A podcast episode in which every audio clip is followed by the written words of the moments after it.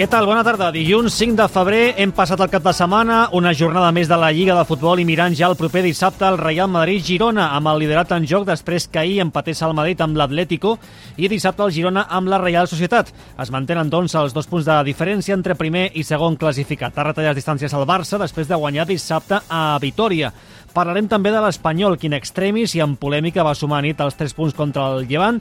Hem de mirar també el cap de setmana de bàsquet i el Mundial de Natació de Doha amb una medalla amb representació catalana. Iris Tió ha aconseguit ara mateix el bronze en duo tècnic amb la hispano-russa Elisa Otzogina. Tot això i més fins a dos quarts amb l'Adriana Llacai a les vies de so, José Gil a la realització, Pere Serrano a la producció.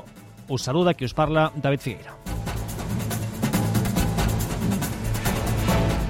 Real Madrid, líder, 58 punts, Girona, segon, classificat 56, 23 partits disputats. Dissabte, a la 24a jornada, liderat en joc al Santiago Bernabéu, escenari a nit de l'empat a un gol entre Madrid i Atlético, amb gol de Brahim pels blancs al minut 20 i empat de Marco Llorente al 93. Un duel, com no, amb polèmica arbitral per un gol anul·lat als matalassers a l'inici de la segona meitat i almenys un penal reclamat pel Madrid de Savic a Jude Bellingham a la segona part del partit. Carlo Ancelotti valora així el partit dels seus jugadors i la primera posició a la clasificació. No estamos satisfechos porque creo que se merecía ganar. Hemos tenido partidos donde hemos ganado al último minuto, muchos partidos con remontadas. El equipo tiene que estar tranquilo porque ha dado todo lo que podía dar. Seguimos líder y tenemos una gran oportunidad el sábado.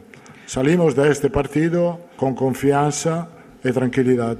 Aquest era Ancelotti i aquest que s'entreu ara, valorant l'empat, Diego Pablo Simeone. No, no, la verdad no me sabe a nada. Es un punto que el equipo lo, lo buscó hasta el final, porque se podría haber entregado en el tramo donde no encontraba el camino para hacer el gol, siguió buscándolo, por eso se lleva un empate creo que merecido. L'Atlético ha de pensar en l'anada de semifinals de la Copa del Rei d'aquest dimecres davant l'Atlètic Club de Bilbao i el Madrid a preparar en una setmana neta de partits la visita del Girona de dissabte. Josep Guardiola, bona tarda.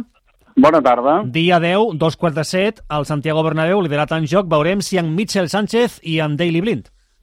Sí, d'entrada partit de somni, partit eh, mai imaginat que el Girona pugui visitar el Bernabéu jugant-se el lideratge de la primera divisió, ni els més vells del lloc ho podien haver somiat, però serà així, amb aquests dos punts de diferència que deies i amb aquestes incògnites, perquè del 0-0 de la Real Societat, més enllà del gol anul·lat al Girona, que ja hem destacat i parlat durant el cap de setmana, en queden també les targetes per Ángel Herrera, Blin i la vermella per Mitchell. Aquest mateix migdia, no fa gaire estona, el club ha anunciat que presentarà recurs a les targetes de Blin i del propi Mitchell, no així a la d'Àngel Herrera. Tècnicament es presenten al·legacions a l'escrit a l'acte i, per altra banda, també asseguren a Montilivi que si no s'accepten aquestes al·legacions i, i al final hi ha sanció, es presentarà un recurs d'apel·lació per tal de poder comptar tant amb el tècnic com amb el defensa de Països Baixos. De tot plegat, d'aquestes uh, tres targetes, dos grogues que impedeixen als jugadors ir a la vermella, que faria que Mitchell es perdés l'encontre, en parlava després del partit contra la Real Societat el propi Mitchell.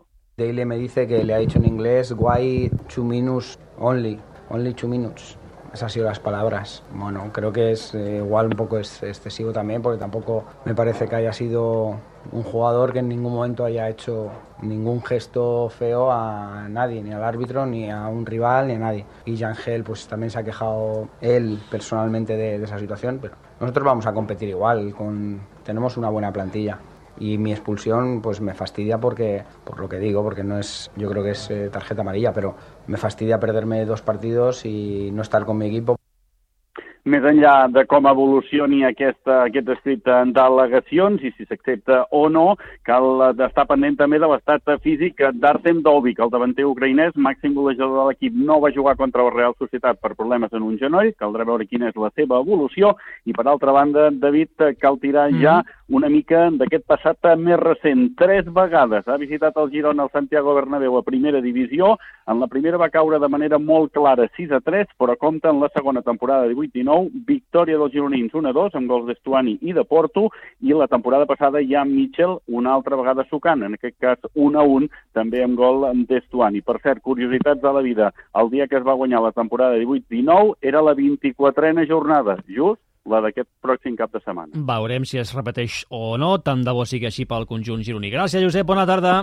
Bona tarda. I saludem aquí a Barcelona Josep Capell. Què tal? Molt bona tarda. Bona tarda. Per parlar de la situació del Barça, del balanç de la victòria de dissabte a Vitoria i del calendari de les properes setmanes i de si es preveu que Xavi pugui recuperar efectius pensant ja aquest diumenge en el partit contra Granada. Doncs sí, tres efectius en concret, de seguida en parlarem i això és importantíssim per Xavi Hernández, que recordeu ara mateix té vuit jugadors a l'infermeria.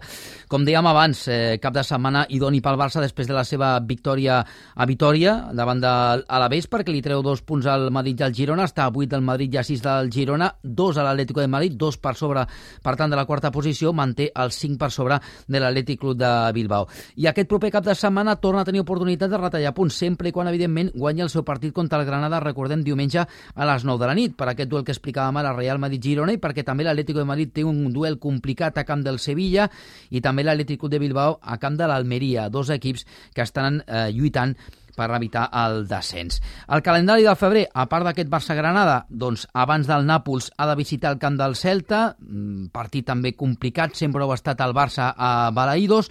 Com dic, aquest partit de Champions tan important, l'anada dels vuitens de final davant del Nàpols i acabarà el mes de, fe, de febrer rebent el Getafe a l'estadi de Montjuïc. I dic que el Barça ha d'intentar guanyar quants més punts possibles en aquest tram de calendari perquè recordem que en els mm -hmm. tres mesos que queda de competició el Barça ha de visitar els camps dels quatre equips en els que està competint a la part alta, en aquest ordre Sant Mamés, Metropolitano, Bernabéu i Montilivi. Per tant, tindrà un calendari força complicat d'aquí al final.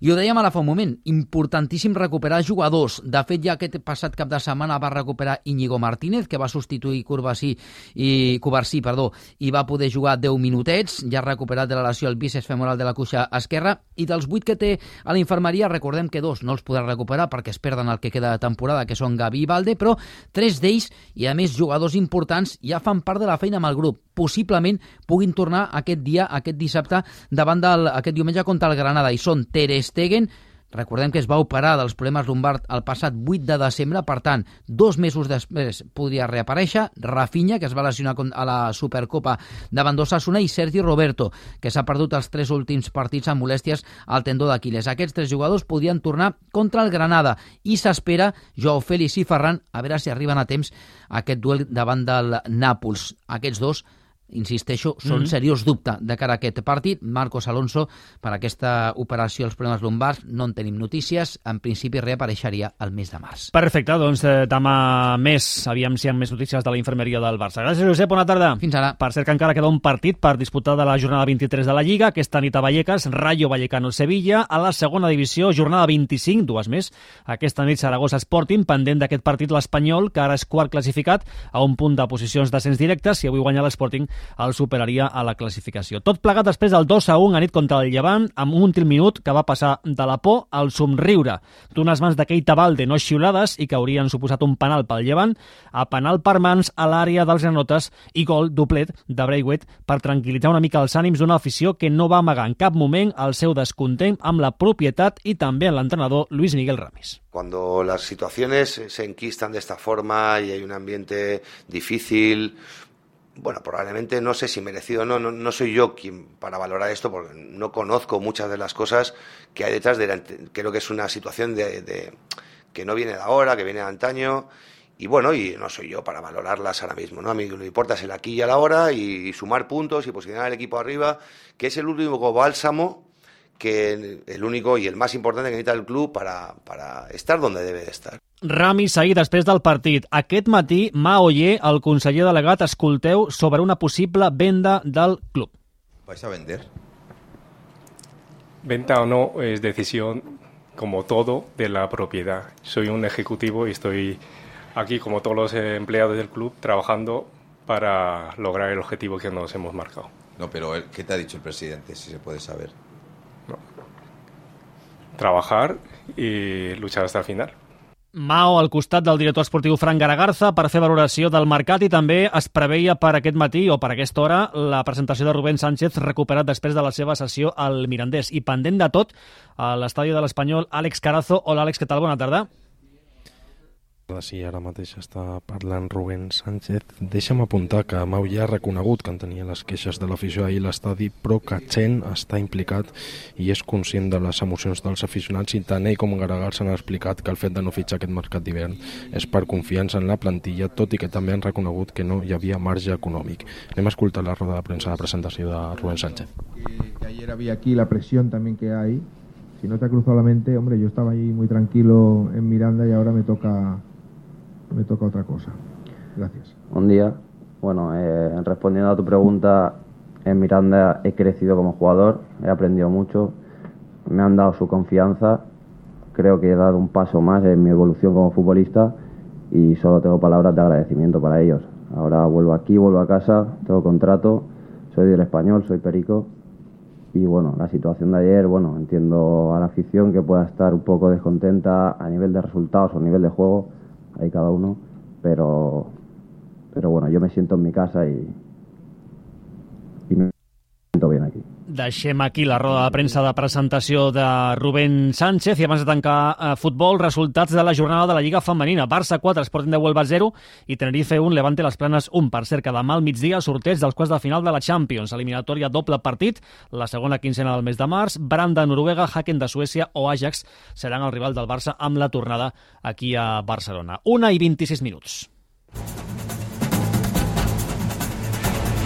I a la plana poliesportiva, primer bàsquet, Joan Seixas, què tal? Bona tarda. Bona tarda. A dues setmanes per la Copa del Rei de Màlaga, com li ha anat el cap de setmana als equips catalans? Doncs una 21a jornada de CB que es tanca amb un balanç de dues victòries i dues derrotes pels conjunts catalans. Comencem per la derrota del Barça al Palau davant el València, 76 a 79, la primera dels blaugranes a casa en aquest 2024, un parcial de 0 a 19. Al tram final del tercer quart va decantar la balança pel València en un partit que els de Roger Grimau dominaven per 14 punts al tercer quart. L'entrenador blaugrana parlava de desconnexió de l'equip. Creo que es un error de todos, empezando por, por mí, que soy el, el entrenador, no, no haber podido o sabido parar estos este, este parcial, especialmente final de segundo cuarto, inicio del tercero.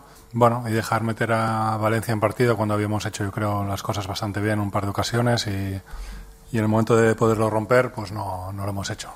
El Manresa, per la seva banda, segueix dins de les places de playoff després de la victòria in extremis a la pista del Granada 93 a 94 gràcies a un triple amb una mica de fortuna de Marcis Steinbergs a falta de només dos segons pel final. D'aquesta jugada en parlava el tècnic Pedro Martínez. Hemos hecho una jugada para, para buscar un triple que, que no, no, ha salido bien porque no nos hemos pasado. Ha salido, yo creo que la jugada estaba, nuestro tirador estaba saliendo con una cierta ventaja, pero no nos hemos pasado el balón bien. Y, y entonces, pues bueno, a partir de ahí ya la inspiración de los jugadores, que es lo que, lo que ha pasado.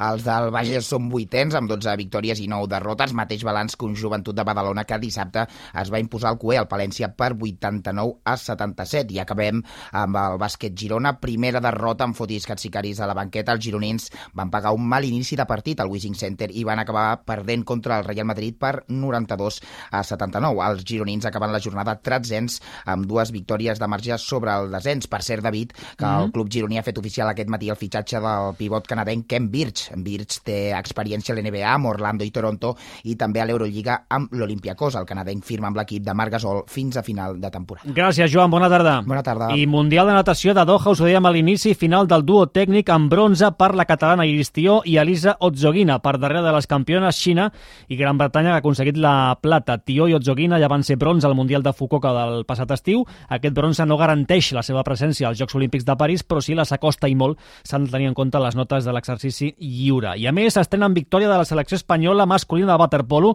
21 gols a 5, que ha superat l'equip de David Martín a la selecció de Sud-àfrica. El primer partit d'una mica esperat, el, el, la qüestió era fer rotació de minuts, que tots els jugadors tinguessin els seus minuts, que fer una miqueta de, de la mesura de la piscina, de, de, de, de, de la confiança i, i res, ara ja preparats pel segon partit. El següent partit, el següent compromís, molt més exigent, serà dimecres contra Croàcia, una repetició de la final del Campionat d'Europa que va guanyar Espanya fa unes setmanes. I de la seva banda, la selecció femenina, després de golejar a la Xina ahir, tindrà demà un duel molt més complicat contra la selecció de Grècia. És tot pel que fa als esports.